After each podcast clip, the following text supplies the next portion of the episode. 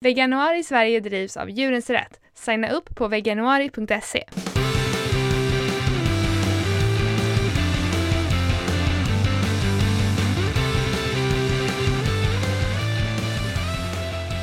Hej, du lyssnar på Kvinnodjuren med mig Josefin. Och mig Lina. Varje dag i veganuari bjuder vi på tips för dig som vill testa att leva som vegan. Du har ju nu varit vegan i 20 eh, dagar och eh, kanske har du fått frågan vad du skulle göra om du blev strandad på en öde ö med en gris eller något annat. Men eh, jag har i alla fall fått den här frågan ett väldigt, väldigt många gånger eh, under min tid som vegan. Eh, för det är ju någonting spännande som köttätare eh, gärna vill fråga eftersom att det är lite en sån här specialsituation. Har du fått en fråga någon gång, Lina? Mm, ja, jättemånga gånger. Men jag försöker fundera på varför folk frågar den. Alltså, jag tror att det är någonting så här att de tänker att, eh, att äta kött är naturligt och så här någon sån här primal eh, begär, typ att vi har gjort det eh, långt, långt bak i tiden innan vi lärde oss att liksom gå till affären, eller på att säga. Mm. Men, eh, men jag tycker att det är en, en skittöntig fråga, ärligt talat. Mm.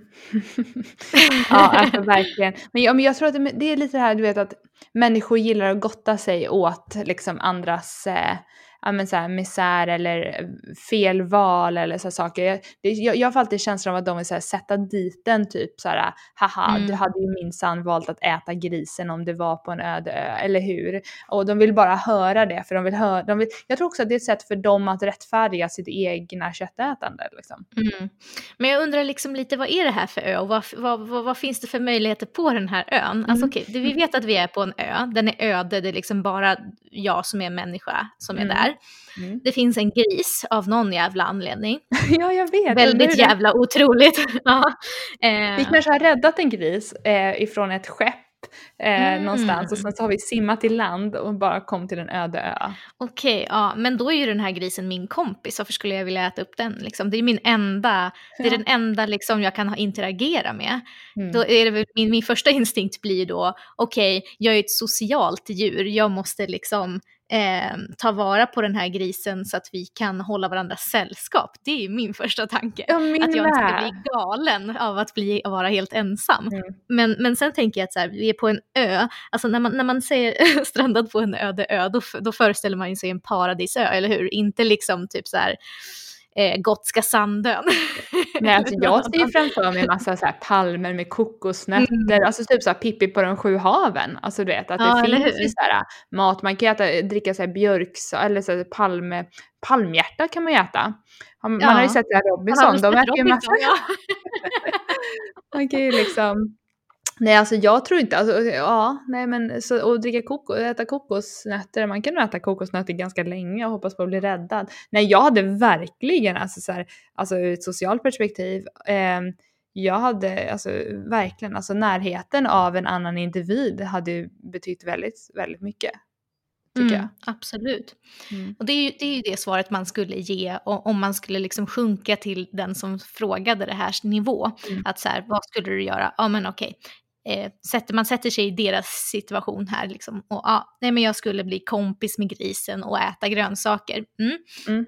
Eh, men, men egentligen vill man ju svara, vad är det här för jävla fråga? Vi bor inte på en öde ö. Det här är liksom inte ett rimligt scenario. Eh, jag vill fråga tillbaka, ja men vad skulle du göra om du inte bodde på en öde ö, utan du levde i ett samhälle där du har alla möjligheter i världen att inte döda djur? Mm. Vad skulle du göra då? Skulle du fortsätta göra det och varför?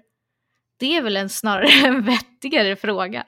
Ja, verkligen. Och sen så, alltså de frågar ju ändå det här eh, och med en levande gris. De säger ju inte så här, vad, vad, skulle du göra om du var strandad på en öde ö med ett paket bacon? Mm.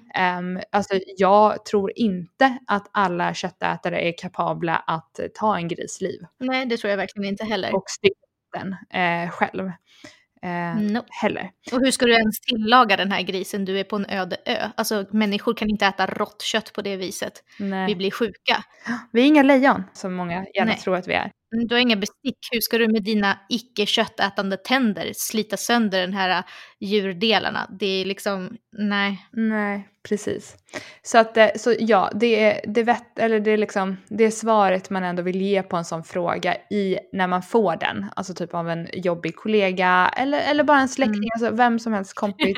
det behöver inte vara jobbiga personer, men alltså folk som ställer den här frågan. Så liksom, det är inte en relevant fråga i vårt samhälle idag, utan liksom de får snarare fundera på sitt eget samvete och kanske varför de väljer att äta kött om det nu är liksom det som de vill få ut, att de vill ha något slags rättfärdigande från oss. Men det är inte en relevant fråga för vi sitter inte i den båten nu.